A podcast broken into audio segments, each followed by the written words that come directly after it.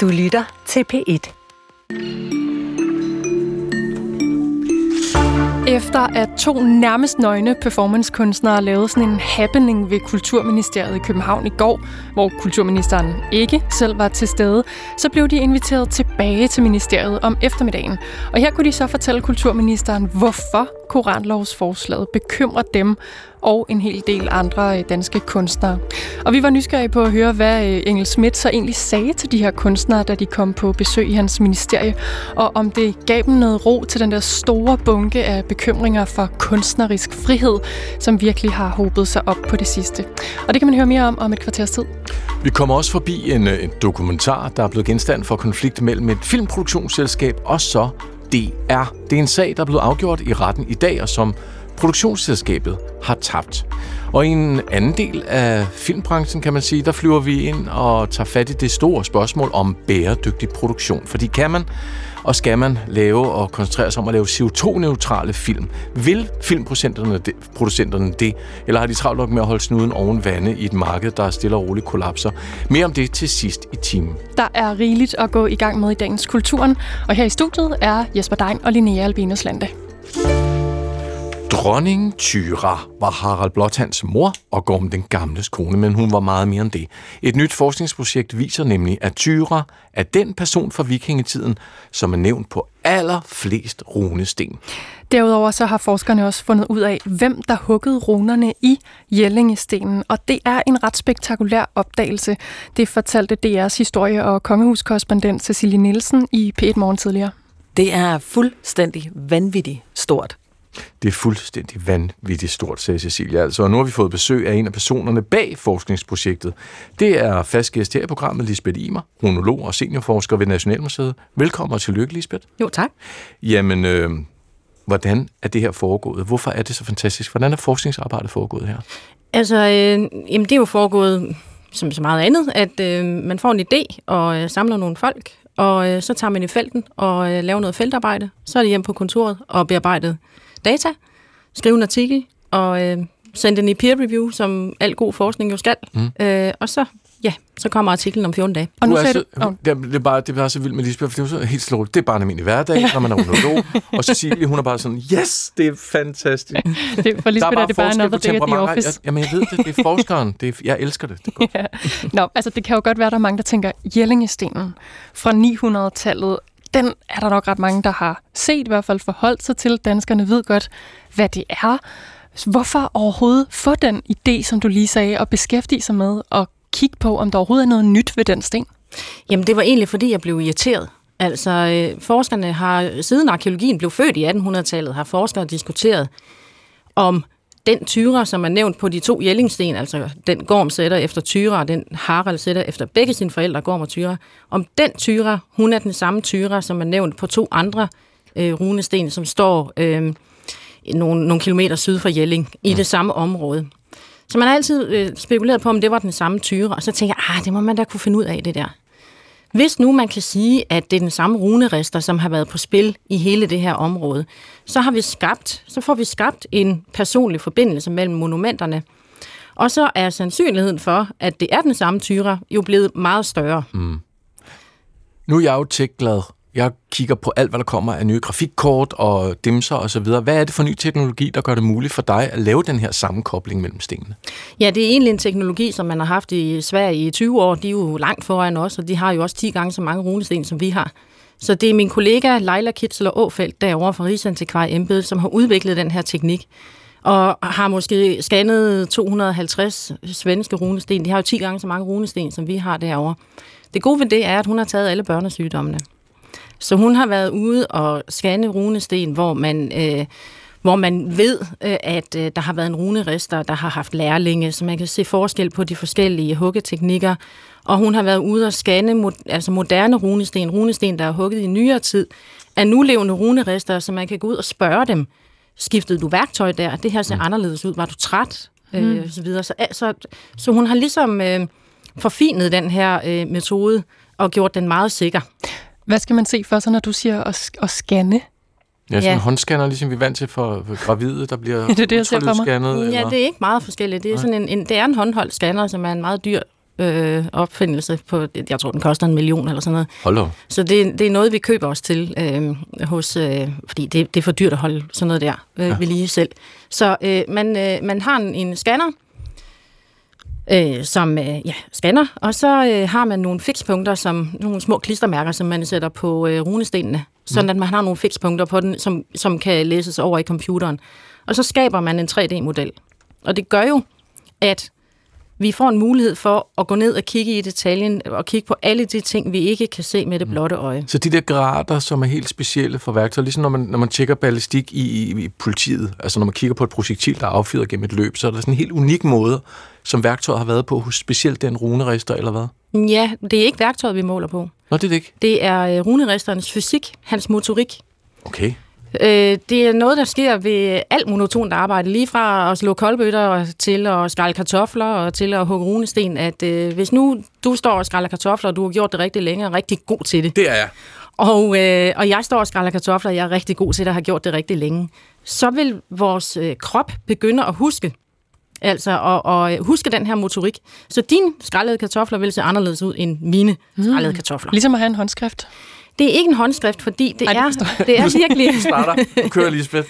Det er virkelig en, øh, det er virkelig kroppens fysik og kroppens motorik, man måler på, fordi håndskriften er lidt noget andet. Det, Okay, det kan ej, vi jo se med ikke. det blotte øje mm. i virkeligheden. Ja, ikke? det har du ret i. Ja. Nå, lad os lige uh, sus tilbage til 1978, hvor man gjorde et uh, spændende fund under Jelling Kirke, og det fortalte Pete van Dørs om i TV-avisen her i 78. Knud Krog øh, gravede sig ned her og fandt et kranium. Antropologerne mener, at det er kraniet af en mand, en veludviklet mandsperson. Og herover på den anden side af det, som arkeologeren kalder en profilvæg, øh, fandt man bækkenpartiet, det er sådan lidt forvidret, af hvad man mener må være en kvinde. Spørgsmålet er så, er det her Gorm og Tyre? Rigsantikvaren, professor P.V. Glob, kommenterer det sådan, aldrig har vi været så nær ved Gorm og Tyre. Ja, sådan her lød det, da man i 1978 havde gravet sig frem til de jordiske rester af, hvad man mener er Gorm den Gamle og hans eh, dronning Tyra, kone, hustru, hvad man nu vil kalde det. Hvem var dronning Tyra, hvis vi lige kan få nogle flere ord på hende? Ja, hun har jo været en utrolig vigtig person i midten af 900-tallet. Hvem hun egentlig var, hvad hun havde for en personlighed, hvad for nogle politiske agendaer, hvad for nogle politiske talenter hun havde, det har vi jo rigtig svært ved at svare på, fordi, fordi vi jo netop ikke har de skriftlige kilder i Danmark. De eneste skriftlige kilder, vi har i Danmark i vikingetiden, det er runestenene. Mm. Og de er jo meget kortfattede. Men altså på den øh, lille øh, Jellingsten bliver hun kaldt for Danmarks bod. Øh, eller nogen vil sige Danmarks pynt, fordi det er jo det, kvinder er. Det er jo de her øh, pyntelige øh, dronninger, som sidder ved siden af, af den stærke konge, Handlekraftig. han, han, den handlekraftige konge. Men i virkeligheden, øh, så kan Danmarks bod også betyde noget andet, nemlig Danmarks hjælp eller Danmarks styrke. En, der udbedrer noget, som har lidt skade. Og hvis vi går med den tolkning af ordet, så har vi jo en helt anderledes og handlekraftig kvinde mm. øh, for os, end den der pyntelige hustru. Det lyder også mere, lyder det ikke mere plausibelt nu? Jeg er ikke forsker, det ved jeg godt. Men er det ikke mere plausibelt, når hun nu er den, der er afbildet på flest runesten? Det ved vi nu. Ja, Så er det vel ikke den der todimensionelle, lidt overfladiske, at hun var der bare mega lækker. Hun var til pynt. hun var meget, meget lækker. Det var Præcis. ikke det, at hun faktisk har været en kæmpe styrke. Præcis, og det er netop det, der er det vigtige i det her studie, det er, at nu kan vi sige, at med al overvejende sandsynlighed, så er det, så er det tyre, der er nævnt på de her fire runesten. Og runesten er lige med magt. Det er en slags vikingetidens rytterstatuer. Det er monumenter, som står ude i landskabet og sikrer, at de personer, der er nævnt på dem, er fysisk til stede, selvom de ikke er det. Ja.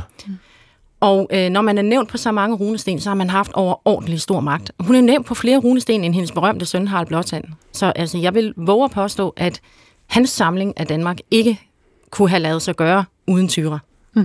Hvad fortæller det her om, altså at vi nu ved, at hun sandsynligvis den samme tyre er nævnt på alle de runesten, om magtforholdet mellem de to køn i datidens Danmark? Ja, nu er vi jo først begyndt at kratte lidt i overfladen. Og det er jo rigtig spændende at begynde at se på, hvad det er for nogle kønsroller, vi har i, i Skandinavien, må vi hellere sige, i vikingetiden, fordi vi er jo nødt til at hjælpe hinanden med arkeologiske fund, så meget er der jo heller ikke. Men hvis vi går til Norge, så ligger der jo, øh, de har jo de her store skibsbegravelser, Goksted og Oseberg. Og i Oseberg-skibet er det jo to kvinder, der er gravlagt. Øh, som jo også må tyde på, at det er dem, der har båret magten, det er dem, der har øh, været øh, betydningsfulde personer. Og hvis vi på den anden side går til de europæiske skriftlige kilder, jamen så har vi i England en kvinde, som øh, tager magten efter sin berømte far, Alfred den Store, og regerer i en kort periode i et område, der hedder Mercia i 900-tallet. Og hvis vi går til, øh, til Tyskland, Tyskland blev jo også født på det her tidspunkt, der er øh, den første tyske dronning, Mathilde, som er gift med Henrik Fuglefinger, enormt magtfuld, påvirker politikken enormt meget. Vi har senere dronninger og kejserinder dernede, som styrer på vegne af deres umyndige sønner. Så man kunne styre på vegne af sig selv i kraft af sin egen øh, slægt, altså i kraft af sin egen status. Og så selvfølgelig også på, øh, på vegne af børnene. Og der er nogle forskere, der faktisk arbejder med, at grunden til otonerne, som vi kalder dem, altså kejser Otto og hans efterfølgere, stor succes var, at der var en politisk strategi i, at kvinder også havde magt, fordi man kan simpelthen øh, råde over mere land på den måde. Mm.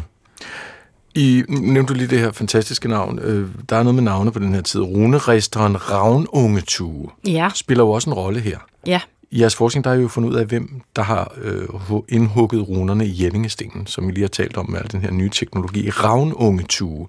Skal vi lige dvæle lidt ved ham? Hvad, hvad er han for en? Ja, det er det, der er rigtig spændende, og jeg håber, vi kan komme lidt videre med de her runerester, for de dukker jo op på nogle af de her runesten. Altså man taler jo tit om, hvad er det for en status, de har. Og øh, jeg tror, de kan have meget forskellige status. Og nu siger du, at man taler tit om det, men, men det er altså noget, som, er, som optager for, forskningsverdenen. Ja, i forskningsverdenen. Ikke? Altså, hvad er det, hvem, hvem kunne læse og skrive i vikingetidens Danmark? Ja. Og der tror jeg, at uh, Ravnunge Tue har, han har været tæt knyttet til Jelling-dynastiet. Og han må have haft en eller anden vigtig rolle at spille der. Øh, samtidig så skriver han jo, at han, øh, han hugger runer efter Tyra, hans dronning. Så han er en, fanboy? Han er, ja, det kan du godt kalde det. Altså, han er øh, hendes underordnede. Ja. Altså, hun har været chef for ham, ja. simpelthen. Ikke? Han, han har muligvis han har været en, fået et øh, bestillingsarbejde. Jo, jo. Han har været en del af hendes følge, og sikkert en, en enormt vigtig person i hendes følge. Måske hendes højre hånd, hvem ved. Altså en, som ligesom kunne sørge for alle de der praktiske ting for hende. For tingene til at ske, ikke? En øh, CEO, eller hvad sådan noget hedder. Ja, administrerende. Ja. I uh, P1 Morgen, som vi hørte et meget kort klip fra før, der kunne man uh, høre også DR's historie- og kongehuskorrespondent Cecilie Nielsen og hendes store begejstring for den her forskning.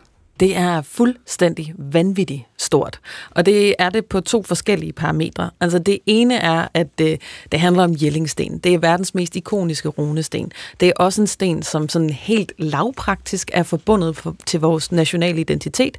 Der er billeder af den sten i det danske pas. Så alle, der har øh, et dansk statsborgerskab, har altså præcis den der sten i et af deres mest vigtige dokumenter, personlige dokumenter overhovedet. Det i sig selv gør, at nyt om den sten er vigtigt. Det andet er, det er forskningspotentialer. Det potentiale, der ligger i den her metode inde i det her studie. Fordi det her studie, den metode, som der er brugt, har faktisk, vil jeg vurdere, et potentiale til at kunne bringe os helt ny viden om 900-tallet, som er et århundrede, hvor vi ikke har nogen samtidig skriftlige kilder, ud over de her runesten. Nå, Lisbeth Imer, kollegerne og dig, I har travlt, fordi I skal videre. Hvad, hvad er næste, tri, næste trin, næste skridt på vejen i den her forskning? Ja, man kan gå mange veje. Altså, man kan gå tyrevejen, ikke? Og prøve at finde ud af, øh, hvem var hun egentlig? Gå, gå sådan lidt mere til, til de arkeologiske kilder. Få lavet nogle udgravninger der omkring øh, i de områder der, og kigge lidt på navneforskning også. Hvad, hvad er det, det betyder alt det her? Og så kan man jo gå, øh, så kan man jo gå min vej. Og øh, scanne de 200 runesten, vi har bevaret i det gamle danske område, som vi kalder det område, altså inklusiv Skåne, Øhm, og og for, næsten forsøge at lave nogle flere historiske personer ud fra de her kilder. Det er de eneste kilder, vi har til at forstå øh, vikingetidens mennesker, altså øh, skriftlige kilder. Hvor stort et arbejde er det, bare lige for at forstå det med at scanne 200 sten? Ja, altså selve scanningsarbejdet tager jo måske ikke så lang tid, det, men der er langt imellem dem, ja. så man mm. skal køre noget, og så, øh, og et stort så jeg har overtalt Leila til at flytte til Danmark i en 3-5 år. Det ved jeg ikke lige, hvor, den, hvor let jeg kommer i mål med. Og Lucky med noget god mad. Ikke? Ja. En snaps. Hør, øh, et lille hurtigt spørgsmål til sidst. Hvis øh, dronning Tyre kom forbi, hvad vil du så spørge hende om, hvis du kunne genopleve hende? Du har jo masser af spørgsmål, det ved Ja, det har jeg. Hvad vil jeg spørge dronning Tyre? Hvad er det vigtigste? Du har et spørgsmål. Mm. Nej, det ved jeg ikke. Det ved jeg simpelthen ikke. Jeg kan ikke vælge et. Nej, mm. Godt. Hvor mm. hun kommer fra? Ja, hvor kommer hun fra? Mm. Ja, hvor kommer du fra? Hvad med din far? Hvad med din mor? Er du i familie med Ravnunge Tue? Det vil jeg gerne vide. Ja. Sådan. Okay, du fik en opgave, som var er at stille hendes et enkelt elsker. spørgsmål. Ravnående Ture Og hendes elsker, og så har vi en ny film. Jeg Sådan. kan. Ja. Tusind tak for, at du kom, Lisbeth Imer. Ja, selv tak. Runolog og seniorforsker ved Nationalmuseet. Og hvis man vil vide mere om det her øh, nye forskning, den her nye, det her, de her nye resultater, så kan man se øh, gåden om tyre i to afsnit på DRTV. Man kan også tænde for sit fjernsyn og se det der. Øhm, og så kan man høre et afsnit af Genstart, som øh, ligger i det her lyd. Vi øh, samler lige op, Linnea, et stykke tid på øh, det kunstperformative happening gaveoverrækkelses-event. Meget langt ord, som du var ude øh, ved i går ved øh, Kulturministeriet. Mm. For der er blevet holdt et særligt møde, øh, det kommer vi til. Vil du ikke lige tage den der hurtige recap? Jo, det laver vi lige kort. To repræsentanter fra kunstnergruppen Persona non grata, de var i går til som sådan en næsten nøgen aktion til stede ved Kulturministeriet i receptionen, hvor de afleverede en ting til kulturministeren, og det lød sådan her. Skal vi aflevere? Må ikke han er Er der nogen specielt, vi skal sige, det er fra? Fra kunstnerne. Fra kunstnerne? Ja, det skal vi nok. Men opfordring til at forsvare kunstnernes frihed. Ja. Yes. Det kan du tro. Det skal vi nok. Er det en tung en? Ah, den er bare... Ja, ja. Det er fint. Det skal vi nok. Ja, lige noget, tak. Ja, som man kunne høre, så var kulturminister Jakob Engel Schmidt ikke hjemme på kontoret, da Persona non grata kom ind med det her sammenrullede banner og med budskabet om at forsvare kunstnerisk frihed. Performancekollektivet de havde båret det her banner gennem byen, iført deres store brune pelse og varme støvler, og det var nok lidt meningen, at det skulle tale for sig selv. I hvert fald så foregik selve aktionen ved Kulturministeriet forholdsvis lydløst. Men bagefter, der vil kunstnerne gerne knytte nogle ord til den her besked, som de havde afleveret hos kulturministeren. En reaktion på regeringens koranlovforslag, som de er bekymrede for, øh, vil komme til at påvirke kunstnernes handlingsrum. De sagde sådan her. det er vigtigt for os at, at manifestere, at han repræsenterer øh, kunstnerne og kunstinstitutionerne, og at vi virkelig har brug for ham. Der er en reel, rigtig stor frygt for, hvad det her vil betyde i forhold til censur øh, og kunstnere, hvis praksiser vil blive ulovliggjort. Hvad er det, I så konkret har brug for kulturministeren til i den her sammenhæng? At han går ind i debatten omkring den her lov øh, og forsvarer kunsten og sikrer sig, at øh, vi ikke indskrænker den kunstneriske ytringsfrihed, øh, fordi at vi tror, at det vil være en tilbagegang i forhold til øh, mangfoldighed og repræsentation. Ja, sådan sagde Astrid Lindhardt i går formiddag, så hun er altså medlem af det her performance-kollektiv Persona non grata, som er blandt afsenderne af budskabet til kulturministeren sammen med Teater Sort-Hvid, Husets Teater, begge to i København, og Dansk Teater. Og det blev ikke til nogen øh, formiddagskaffe i ministeriet i går, men øh, kunstnerne blev inviteret tilbage senere på eftermiddagen, og det vil vi også gerne høre udfaldet af. Vores øh, kollega Tobias Let Klinge, han fangede Astrid Lindhardt igen efter deres møde med Jakob Engel Schmidt, hvor de, ja, det lød sådan her. Jamen, jeg oplever, at ministeren er interesseret i, at øh, den kunstneriske ytringsfrihed skal bevares. Jeg oplever også, at det er øh, enormt komplekst, øhm, og man kan sige noget af det, som vi jo kæmper for os tilsigter, er, at man også kigger mod andre lande, hvor at jeg ikke tænker, at øh, den kunstneriske ytringsfrihed er, øh, er blevet øh, begrænset øh, i det omfang, som, som det lige nu er tilfældet med den lov. Og hvad sagde han til jer? Jamen altså, øh, jeg, han sagde, at øh, han vil gøre, hvad han kan, øh, for at den ytrings, kunstneriske ytringsfrihed ikke, øh, ikke bliver indskrænket. Øh, og så er det jo klart, det er jo et af de argumenter, som jeg er enormt træt af at høre, øh, at det her er for at begrænse Rasmus Paludan, øh, og at, at vi andre ligesom øh, ryger under bussen øh, og bliver ja, bliver en del øh, af, af, af de ting, som han gør, som jo er tydelig chikane øh, og ikke er kunst. Øh, og dialogen handlede selvfølgelig også om det. Der må, tænker vi, jo findes en juridisk skældning mellem, øh, mellem Rasmus Paludan og, og kunstnere som øh, øh, Farouz Khan, som har lavet den her øh, riven, hvor hun river øh, Koranen foran øh, en ambassade. Øh, det må kunne opleves som to forskellige ting, men øh, jeg er jo desværre ikke jurist. Øh, og jeg kan forstå, at det er ret svært at få det til at gå op. Men det var jo en af de ting, som vi opfordrede øh, ministeren til, at øh, så man altså øh, gå på hårdere arbejde øh, i sin dialog med justitsministeren, fordi det må være muligt at få kunstnerne ud af den her lovgivning. Ja, nu, nu nævner du selv, at du oplever en, en positiv øh, dialog, I havde med ministeren i dag, men også samtidig, at han kommer med nogle af de her forklaringer, vi har hørt masser af gange, med det er for at begrænse Rasmus Paludan. Så oplever du en minister, der, der kæmper for jer, og en minister, der måske kan få rykket på nogle ting, eller er det øh, tomme ord og lidt, øh, hvad kan man sige, øh, gående i tomgang? Øhm, nej, altså jeg oplever, at nu modtog de jo høringssvarene i fredags, og jeg oplever, at de høringssvar, der er, bliver taget enormt seriøst, og at der bliver lyttet til, at der faktisk er en øh, kollektiv bekymring fra samtlige kunstneriske felter. Øh, altså jo både scenekunst, performancekunst, litteratur, billedkunst. Øh, alle har meldt sig under fanerne øh, her i forbindelse med høringen, og jeg oplever, at at der er en intention om at lytte, og det er jo klart, så er vi selvfølgelig spændte på, hvad det munder ud i, og, og vi er jo ikke rolige før, at, øh, at kunstnerne er ude af den her lovgivning. Er du mere positiv, efter du har været til møde med ministeren i dag, end, øh, end du var inden? Øhm, ja, både og. Altså, øh, jeg oplever helt klart, at han ikke er interesseret i, at den her lovgivning skal gå ud over kunstnerne. Øh, men jeg er stadig bekymret for, øh, om man vil kunne finde ud af at lave formuleringer, hvor at, at, øh, at kunstnerne så bliver øh, fritaget. Og fik I noget konkret med ud af døren fra ministeren? Altså kom han med nogle garantier, eller øh, lovede han jer et eller andet, så det ikke bare blev tomme ord? Altså det er klart, nu bliver der jo arbejdet på... Øh, på de kommentarer, øh, der skal være øh, i forbindelse med, øh, med loven, og der bliver jo også arbejdet på høje tryk i forhold til at integrere øh, de høringssvar, der har været. Så jeg håber, øh, og har en formodning og jo også stadig en bøn om, at han vil gøre alt, hvad han kan. Øh, det er min klare oplevelse, at kulturministeren kæmper for at, øh, at det, som er blevet beskrevet som en nålestiksoperation, øh, også skal være det, og dermed, at kunsten skal gå fri. Sådan sagde altså Astrid Lindhardt fra performancekollektivet Persona Non Grata.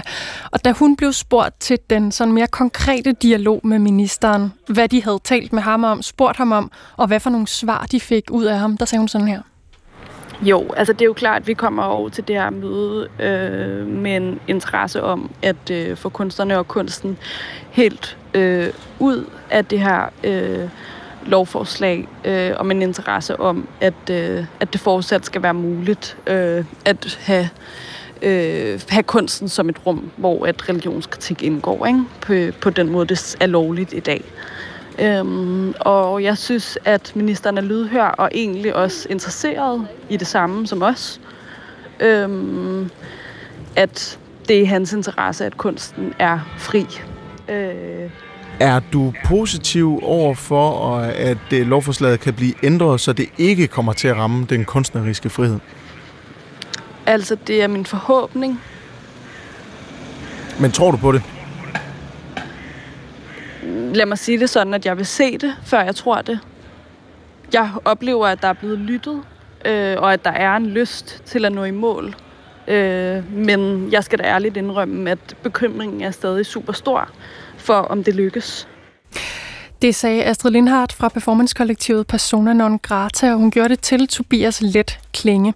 Han talte med dem i går efter, at øh, kunstnerne havde været til møde med kulturminister Jakob Engel Schmidt.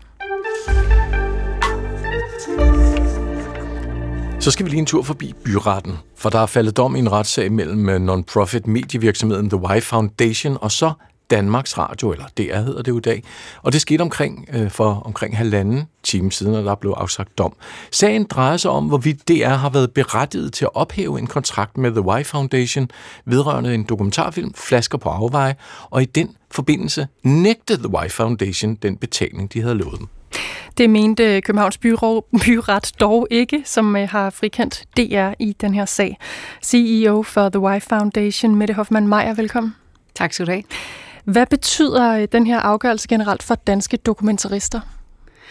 Jamen, det er en bombe under hele produktionsmiljøet, efter min mening. Altså, men jeg vil da godt lige sige, at jeg har ikke læst øh, afgørelsen endnu, men sådan som jeg forstår, så er det, fordi DR har en en øh, Hamamsi i deres kontrakter, der siger, at det er til enhver tid selv kan bestemme, hvornår en film lever op til deres etiske og presseetiske øh, retningslinjer. Og det er jo retningslinjer, og som vi ved, hvad retningslinjer, så kan de tolkes. Øh, og da jeg selv var herude som dokumentarchef i mange, mange år, så kan jeg huske, at vi altid diskuterede, at det faktisk jo historisk har været forskelligt fra afdeling til afdeling, og vi egentlig synes, det var godt, fordi det gav diversitet.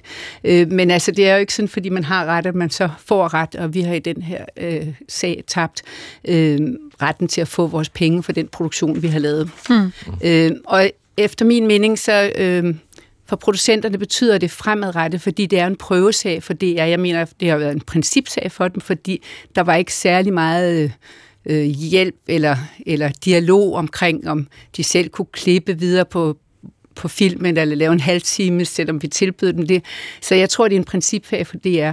DR har jo haft en ret mange programmer, som de ikke har ville vise, men som de så alligevel har betalt. Mm. Og med den her domsafsigelse betyder det jo, at fremadrettet så er vi producenter, små producenter og store producenter, vi kan tage ud og, og starte med at filme, og filme noget, vi har aftalt med DR, historien øh, og så videre, og så kan vi komme hjem, og så kan man altid finde noget, man ikke man vil kunne miskreditere.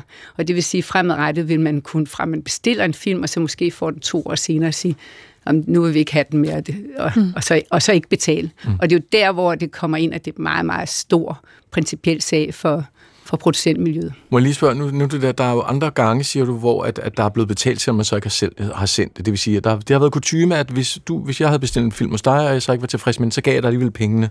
Fordi at det havde vi aftalt. Ja, altså det er klart, jeg har ikke nogen eksempler på, at der er blevet lavet en film, der er så langt fra det, man har aftalt. I det her tilfælde, der hed øh, oplægget People versus Coca-Cola. Det er en stor koproduktion, som faktisk øh, er initieret af DR og os øh, med BBC, med svensk tv, tysk tv, kanadisk tv, altså otte store public service tv-stationer i Europa.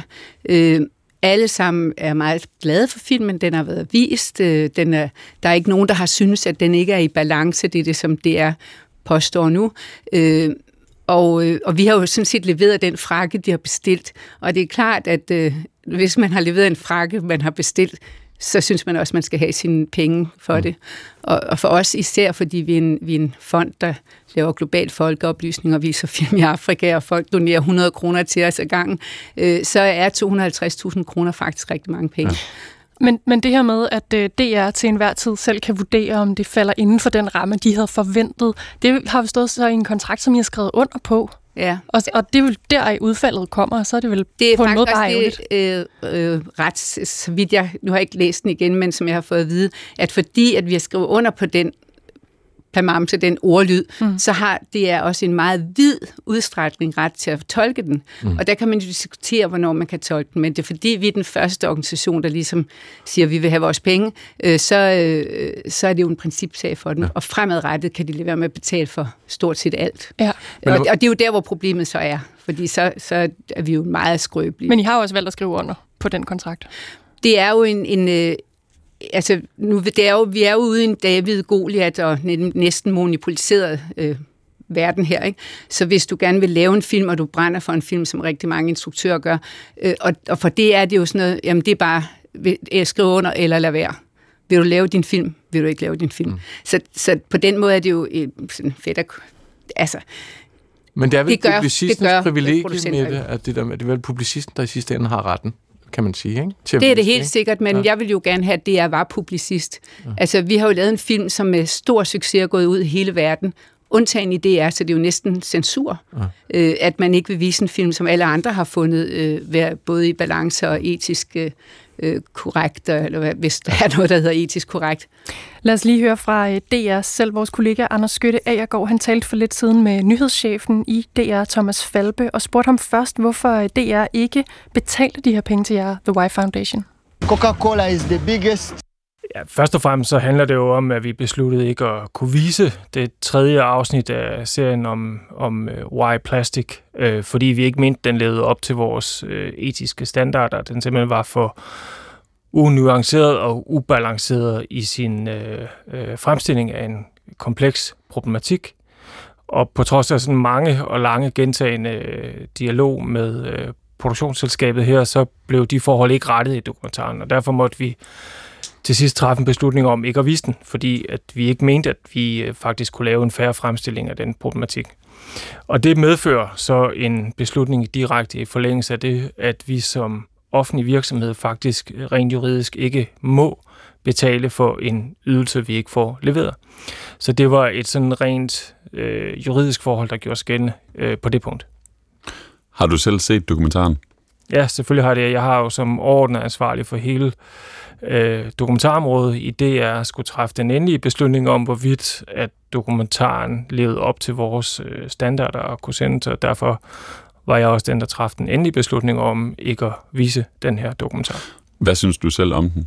Jamen, jeg synes præcis det, jeg lige har sagt, at den var for unuanceret øh, i sin fremstilling af en ret kompleks øh, problematik, og at de mange forsøg, der undervejs øh, op mod deadline blev gjort på at rette op på de forhold, ikke øh, manifesterede sig i dokumentaren. Kan man sige, at du ikke synes, den er god? Ja, det er jo sådan den simple måde at udtrykke det på, men der er en, en række forhold, som er meget konkrete. Hvorvidt en kritiseret modpart kommer tilstrækkeligt til ord, hvorvidt der bliver stillet modspørgsmål til de kilder, som kun taler en vej i en dokumentar, om man fremstiller et meget komplekst øh, problemstilling med de nuancer, som, som det kræver, eller om det, som jeg synes, det var tilfældet her i dokumentaren, laver en helt entydig og ensidig øh, fremstilling af en kritik, som ikke bliver adresseret ordentligt i modpartens mulighed for at kunne øh, give et svar. Det var det, der var kernen i problematikken. Mette Hoffmann Meyer, du lyttede med her på DR's nyhedschef Thomas Falbe. Han siger, at øh, de jo ikke kan betale for en ydelse, der ikke som sådan blev leveret. Hvad tænker du om det, du hørte her?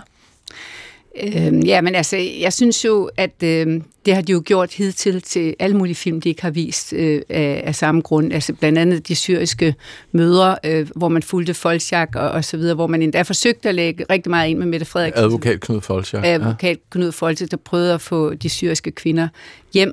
Øh, den valgte det er ikke at vise øh, for formentlig fordi den var for politisk betændt øh, i forhold til led, øh, vores politiske ledelse, og Mette Frederiksen, og, men der fik de deres penge. Der, der er mange eksempler på øh, øh film, som DR har valgt ikke at vise, så den, den argumentation, øh, det er i hvert fald nyt, og det er også derfor, jeg mener, at den her metode, DR bruger som meget dominerende på markedet, det er, øh, hvad hedder det, øh, det, det, det er en nytænkning inden for det, og det er jo noget, der virkelig gør øh, os meget bekymret.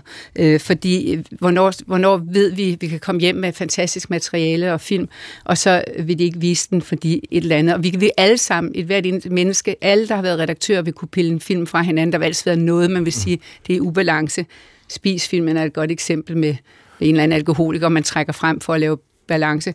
Så, så der er bare øh, jo øh, altså det, det synes jeg er forkert, øh, selvfølgelig. Og man må også bare sige, at det er jo ikke nogle film, der er i ubalance, når så mange public service stationer rundt omkring i verden viser filmen, fordi de stort set har de samme etiske retningslinjer. Mm. Og så har vi det helt fjerde, det er, det er øh, salg som jo sælger deres produkter, de har solgt den her til, jeg tror, 5-6 public service stationer, efter den er færdig.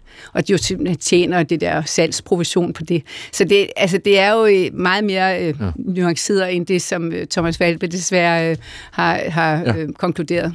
Og der får det altså 35 procent, tror jeg, det er noget den stil ja. af, af det, der bliver solgt til. Lad os lige holde fast i det der med, at DR sælger noget videre, som de ikke selv viser. Efter DR nægtede betaling, øh, ja, så solgte de den som sagt videre, som du selv også fortæller her med det, øh, til andre tv-stationer. Anders Skytte har også spurgt nyhedschef Thomas Valbe, hvordan man egentlig kan sælge et program, som man ikke vil sende på sin egen kanal. Og han svarer sådan her. Jamen, det er faktisk lidt nogle, øh, et sådan rent juridisk forhold, der gør sig gældende her på, øh, på en lidt anden vis. Vi vælger ikke at bringe den øh, af de grunde, jeg lige har nævnt her på, øh, øh, på Danmarks Radio, på vores kanaler.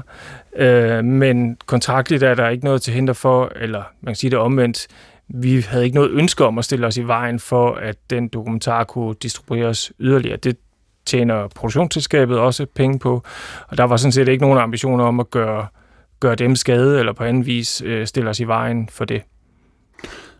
Men jeg tænker, det svarede lidt til at sige, at øh, her har jeg en pære. Jeg gider ikke spise den her pære. Jeg gider faktisk heller ikke købe pæren, men øh, du skal være meget velkommen til at købe den af mig. Virker det ikke dobbeltmoralsk? Jamen, det er, det er bare nogle helt andre forhold. Altså, vi forholder os til øh, sådan en redaktionel beslutning, hvorvidt vi synes, programmet lever op til de standarder og kvaliteter, som vi nu sætter her i DR. Øh, programmet er blevet vist på en række andre stationer, som kan lægge nogle andre værdier til grund for, om de vil bringe det eller ej. Og vi havde sådan set ikke noget ønske om at stille os i vejen for, at andre kunne lave en anden vurdering, end vi gjorde, og dermed også øh, lægge produktionsselskabet yderligere til, til skade i forhold til, til det, der allerede var sket. Så de forhold, de må de enkelte stationer sådan set gøre op for sig selv og træffe en beslutning ud fra deres egen etik og journalistiske standarder. Sådan sagde han, Thomas Falbe, nyhedschef her i DR. Øh, Mette Hoffmann Meyer, CEO for The Why. Hvad, en kort replik til det her? Jamen, altså, det er jo sådan, at øh, nu lyder det jo meget fint med holdninger og så videre, men det er jo faktisk sådan, at det er personlige holdninger, og hvad man synes, det er synsninger i virkeligheden, og derfor vil vi jo som producenter og instruktør øh, være på totalt herrens mark, og ikke vide, hvem vi producerer til, og det er vil fremadrettet med den holdning jo kunne øh, være, være virkelig risikofyldt for alle producenterne, fordi man ikke ved, om man så får sine penge. Men jeg tænker stadigvæk, det er meget, meget sjældent, det sker jo. Trods alt. Du har selv været dokumentarredaktør. Det er jo ikke noget, det er jo ikke hverdagskost, det her, vel? Nej, men øh, da jeg var redaktør, så gik jeg ind i klipperummet og sad og prøvede at få filmen frem til, vi vidste, at vi kunne vise den. Ja. Og den var, øh, du ved, øh, færre, og at folk kom til ord. Og det er jo simpelthen også forkert, når Thomas Falbe siger, at mod, modstander, øh, modparten, det er jo Coca-Cola. Der er seks gange ned i filmen Right to Reply. De vil ikke deltage live, men de har, de har endda selv, øh, hvad kan man sige, øh, uden for citat, sagt, de synes, det er en god og færre film, fordi de har jo plastikudfordringer, og det ved de, og de har taget producentansvar, og det er det, vi kigger på. Det er altså blevet øh, frikendt i den her sag, vi diskuterer, og tak for, at du kom med det, Hoffmann Meyer, CEO hos uh, The Why Foundation. Vi bliver i filmuniverset. Ja. Yeah. Kan en film være grøn? Ja, det kan den faktisk godt. En øh, film, tv-serie, en dokumentarfilm, som den Mette talte om, kan være klimavenlig, bæredygtig gennem hele produktionen, fra hvordan skuespillerne transporterer sig til og fra det her filmsæt, frem til øh, filmens egentlige handling. Så spørgsmålet bare, hvor villig er filmbranchen, tv-branchen til at producere på sådan en klimavenlig og bæredygtig måde. Noget tyder på, at der, der er et stykke vej, før den danske film- og tv-branche kan kalde sig sådan helt for grøn, eller i hvert fald har taget det her øh, grønne syn til sig. Det viser en undersøgelse, der bygger på svar fra mere end 500 mennesker fra hele branchen. Og nu har vi fået øh, besøg af Karoline Gerulf. Velkommen. Tak projektleder i Vision Danmark, og også i det, der hedder BFTP, bæredygtig film- og tv-produktion, som står bag den her temperaturmåling, kunne man kalde det, hvordan film- og tv-branchen netop forholder sig til bæredygtighed i de her år. Inden vi lige taler videre om selve undersøgelsen, så skal vi lige have noget mere på det rene. Hvad betyder det, når vi taler om grønne film- og øh, tv-produktioner mere konkret? Mm, altså, ja, det kan jo være så meget. Øh, for os har det været øh, øh, vigtigt at gå sådan lidt struktureret og lavpraktisk til værks. Vi øh, indgik i for flere år siden et samarbejde med konsulenthuset Vigan og Måø øh, i forhold til at analysere øh, og strukturere vores øh, arbejde med klima. Øh, og de uh, lavede faktisk en analyse af flere af vores uh, produktioner, altså flere forskellige typer produktioner uh, i forhold til GOG-protokollen, for at prøve at finde ud af, hvordan, uh, hvordan kan vi egentlig overhovedet se, hvad vores CO2-udledning er, hvor er vores store udledninger, uh, og hvad for nogle fokusområder skal vi arbejde med. Og der fik vi lokaliseret uh, transport, uh, energi, uh, catering, affald, og materialer som nogle helt konkrete områder, hvor vi kan arbejde struktureret øh, for at, at, at få en, en mere bæredygtig filmproduktion. Mm. Så stort set alle de parametre, man kan pille ved. Ja. Og jeg skal lige høre, Karoline, det vil godt være det mig, der er lidt svært på en begrif. GHG-protokollen, bare lige helt kort, hvad er nu? Greenhouse Gas Protocol, okay, er som er en, den, den gængse sådan, måleenhed, international, internationale yes, yes. måleenhed. Og I har lavet øh, den her omfattende undersøgelse, spørgeskema, mm. øh, mhm. temperaturmåling, kunne vi sige, hvordan har øh, folk det med alt det her? 500 mennesker, det er jo ret imponerende for film og tv har deltaget, og undersøgelsen handler jo netop om, hvor villige er vi? Altså, mm. vi kan jo godt vi kan jo se på filmen, men vi, hvor villige er vi til at sætte mere bæredygtige produktioner i verden. Hvad øh, er resultatet? Jamen altså, jeg synes jo, vi læser flere ting ud af den øh, undersøgelse. først og fremmest i forhold til villighed, så ser jeg jo faktisk en branche, som er super engageret, og som tager et rigtig stort ansvar i forhold til, altså når vi spørger, om, om de ligesom synes, at det er op til dem selv at, at arbejde og altså gør sig dygtig inden for grøn bæredygtighed, så er de jo faktisk stort set, eller 80 procent øh, positive. Øhm, vi ser jo også, at vi har med en branche at gøre, som består af rigtig, rigtig mange freelancere, rigtig mange helt små virksomheder, som vi har rigtig svært ved at nå med vores øh, kommunikation. Øh, folk, som pendler mellem forskellige øh, produktioner og forskellige virksomheder, som de, de, de arbejder hos. Hvorfor er de svære at nå? Jamen, de er jo svære, fordi vi ikke har en, en direkte adgang til dem. Øhm, hvor man kan sige, har du et stort øh, produktionsselskab som Nordisk Film eller SF, så har du jo pludselig øh, en, en, en ledelse. Øh, du har mulighed for at ansætte en, et konsulenthus til at hjælpe med sådan en helt øh, gennemgribende virksomheds... Øh, Øhm, altså en helt gennemgang af virksomheden i forhold til den grønne omstilling. Alle de her små enkeltmandsvirksomheder, de er, jo, de er jo på herrens mark, og det er jo helt fuldstændig op til dem selv at gøre sig, altså at kvalificere sig inden for, for den grønne omstilling. Øhm, og det, øhm, det, det har vi ligesom ud fra denne her temperaturmåling kunne se, jamen det her det er helt klart et problem. Vi har kunne sætte fokus på, for det er jo også vigtigt at sige, vi, der, er jo, der er jo også mange, der er rigtig godt i gang. Og vi har i vores arbejde kunne sætte rigtig meget fokus på nogle af de planlæggende funktioner, altså producerne, produktionsledere, line producer, så altså nogle af dem, som både har rigtig stor kontakt til de, øh, altså, øh, til, til leverandører og til de ansatte, og som har et rigtig stort impact på produktionen.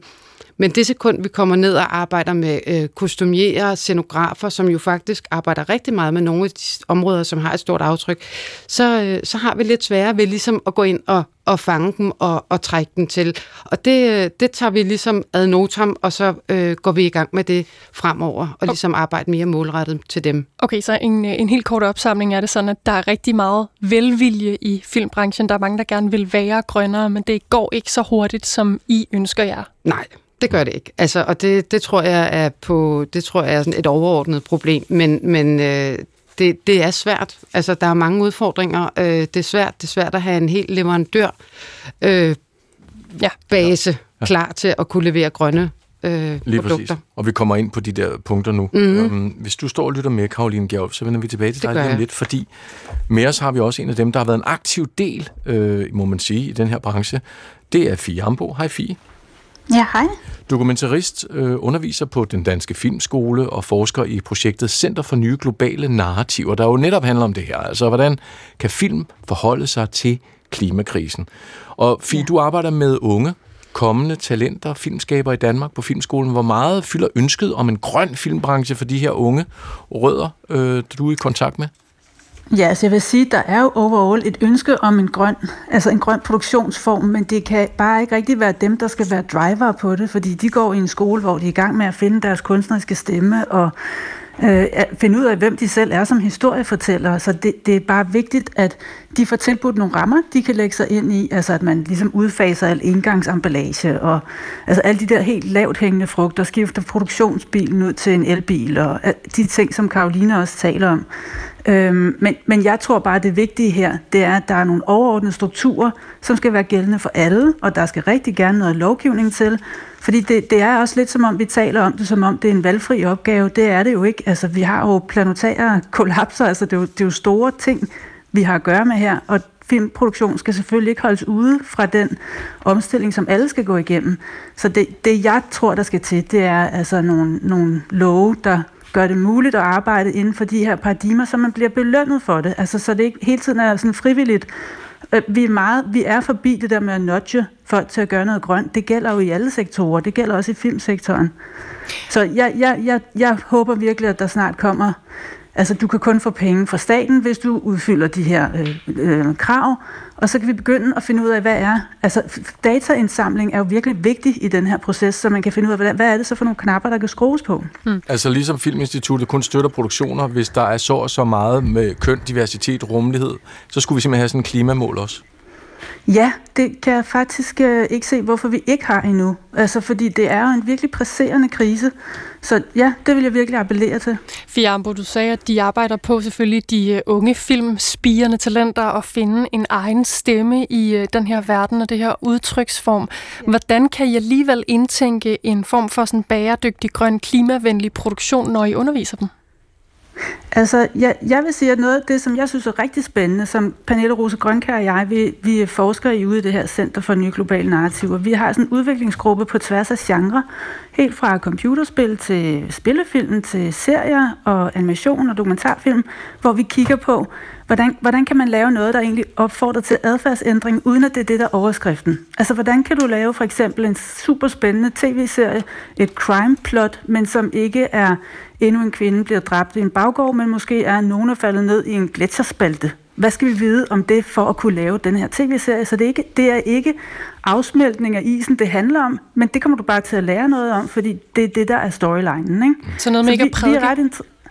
Ikke at prædike, og, og nogle gange så er det klart, fordi dannelsesniveauet faktisk generelt er overraskende lavt i forhold til, hvad folk ved om sådan helt almindelige ting om grøn omstilling. Så nogle film, måske særligt nogle dokumentarfilm, skal jo handle om det.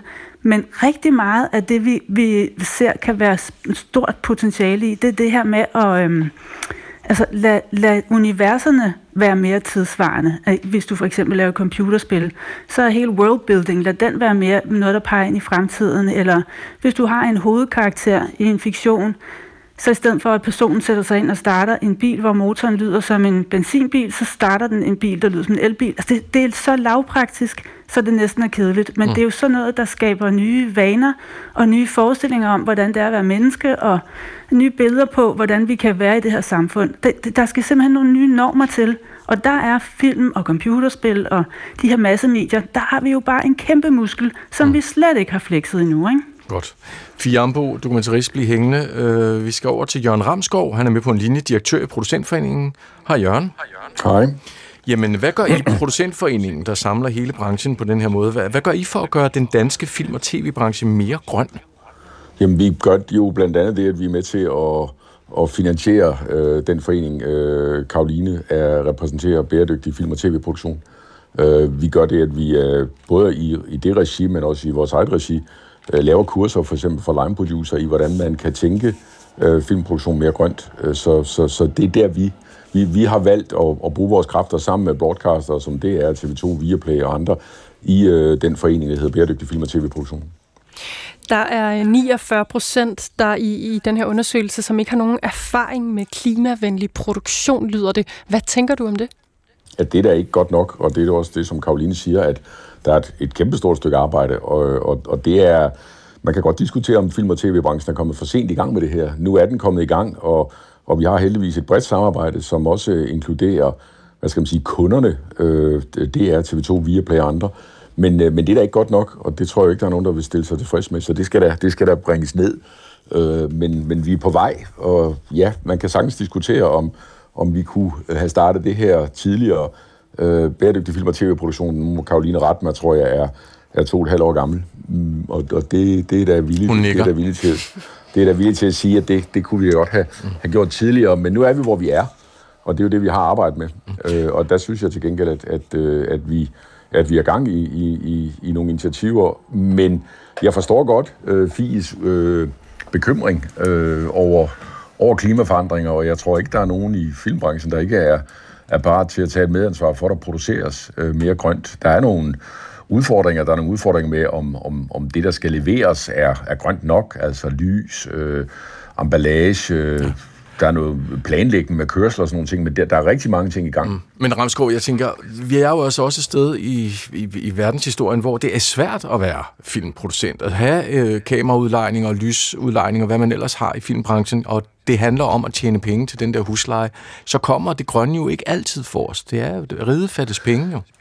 Jo, det, det er jo rigtigt nok, men, men vi er jo ikke anderledes end alle mulige andre brancher, der kunne sige det samme. At, øh, at, øh, at, jeg mener bare i forhold til folks velvilje. Jeg tænker, det er ikke det, der er top of mind, når man vågner om morgenen, når man har en virksomhed, der skal køre. Jamen, det bliver det jo nødt til at blive til at, at blive. Altså, for det, det kan du jo sige om, nu skal vi ikke kaste øh, sten efter landmænd og, og elektrikere og købmænd og alle mulige andre, men vi er jo alle sammen nødt til at tænke på, hvad vi har tændt af elektriske redskaber, hvad vi gør, hvordan vi forbruger, hvad kød vi spiser. Altså det gælder vel også. Altså det, det nytter jo ikke noget, bare fordi vi laver film, så siger vi, det kan vi ikke lige tage os af.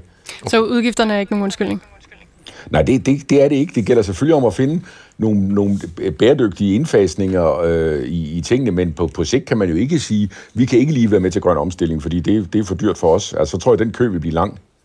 Jørgen Ramskov fra øh, Producentforeningen, du bliver også øh, lige hængende, og så vender vi blikket tilbage mod Karoline Gerolf, projektleder på det her bæredygtige film- og tv-produktion, som står øh, bag målingen og undersøgelsen. Hvad er for dig at se de største udfordringer lige nu i det her, det her store ønske, som vi jo kan høre fra flere om at omsætte branchen til at tænke mere grønt? Mm. Jamen, jeg synes, der er mange udfordringer, øh, men en af de store udfordringer er helt klart, som, som Fie også siger, et, et generelt vidensniveau, der skal, der skal løftes, og det, det handler ikke kun om vores branche, det handler om at vi jo generelt næsten er nødt til at have en eller anden form for sådan øh, CO2-regnskabsundervisning øh, alle sammen, for at forstå, hvad er det egentlig, vi har med at gøre, og også i vores arbejdsliv. Øhm, så synes jeg, som Jørgen siger, at øh, der, vi, vi, øh, vi har en, en, øh, en, hvad hedder sådan noget, en leverandør, øh, database eller en base, som, som vi skal have, have op i gear. Og det vi oplever er jo faktisk, at de, de øh, leverandører, vi er i dialog med, ser det jo som et ekstremt stort konkurrenceparameter at have grønne varer på hylderne, øh, men efter, altså efterspørg en, en efterspørgsel. Øh, så det vi også gør, det er med hele tiden at prøve at sige, at vi er nødt til at trykke på med efterspørgselen, hele tiden gøre opmærksom, hele tiden tage dialogen med alle vores leverandører for at, øh, øh, for at få, få grønne varer på hylderne. Og til sidst, øh, så er der ingen tvivl om, at øh, nogle af de her krav, der kommer oppefra, om de kommer fra EU, om de kommer fra staten, eller om de kommer fra nogle af de finansierende institutioner, er sindssygt vigtige, fordi det, det fremmer altså motivationen, at der øh, er en lille brændende platform under en. Mm. Fiambo, dokumentarist og underviser på den danske filmskole. Øh, du er jo faktisk lige nu i gang med en film, der kan karakteriseres som grøn fra produktion ja. til handling. Jeg synes lige, vi skal høre et klip, så lad os ja. snakke om filmen. Et lille klip fra ja. filmen Fire, Water, Earth, Air.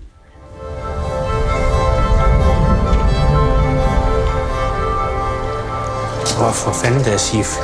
Du bliver våd. Det gør jo ondt i et øbohjerte at tænke på, at øen ja. måske er oversvømmet om 50-100 år. Ja. Det er ubærligt.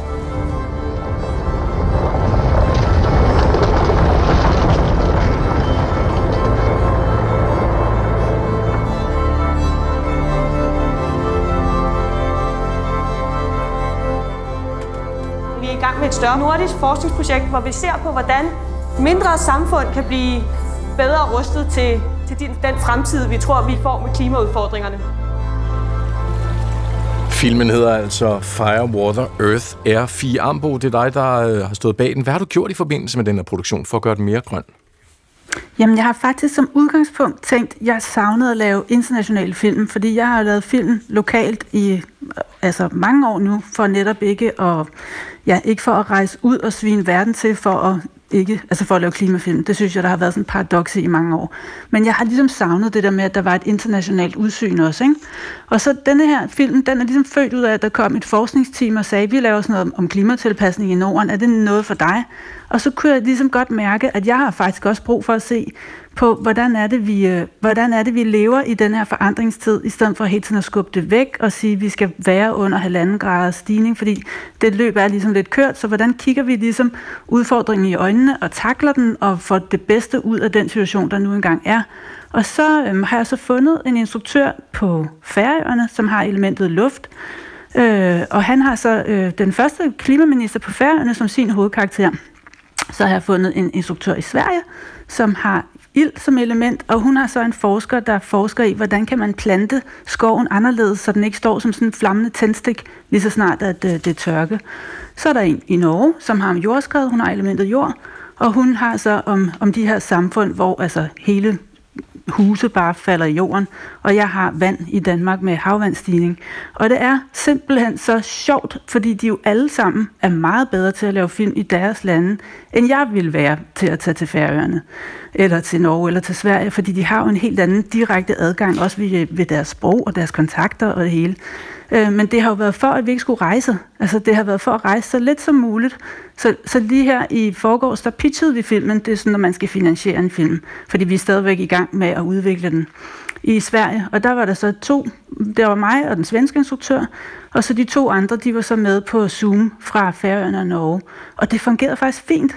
Men det er også fordi, jeg er hele tiden ude i sådan en udforskning af, okay, hvis vi skal lave branchen om, så er der mange ting, der skal laves om.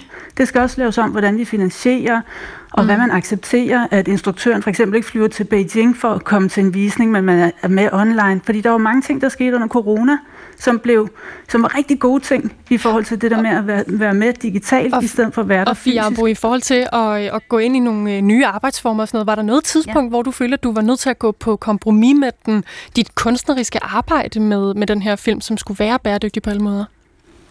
Altså, vi er stadigvæk i gang med, med, med at lave filmen, så det kan sagtens være, når du spørger mig, når den er færdigoptaget, at, der, at det har der været.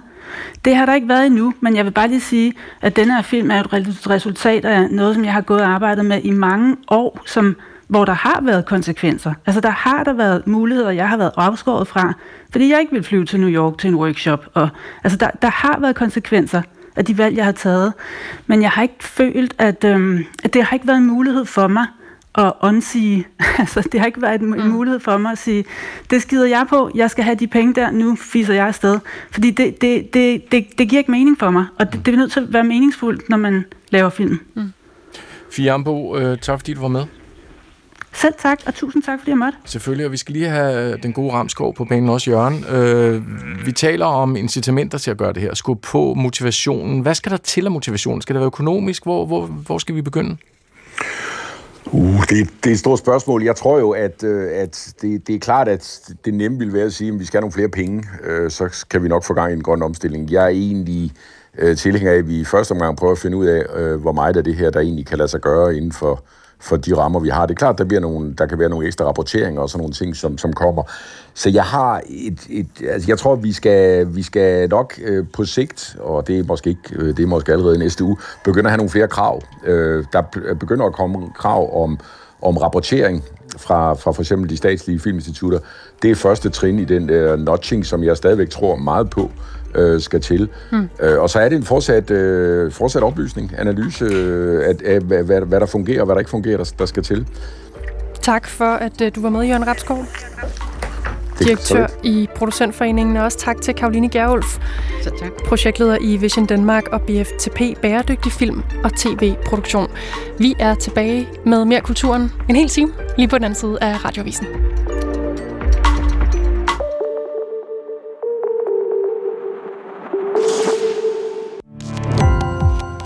Gå på opdagelse i alle DR's podcast og radioprogrammer. I appen DR Lyd.